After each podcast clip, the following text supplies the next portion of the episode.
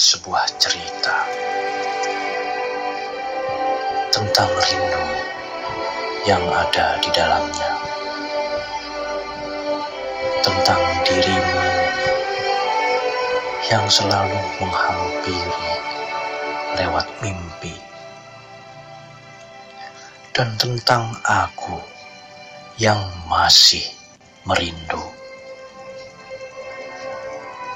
Meski hanya bayangmu yang mampu temaniku, aku bahagia.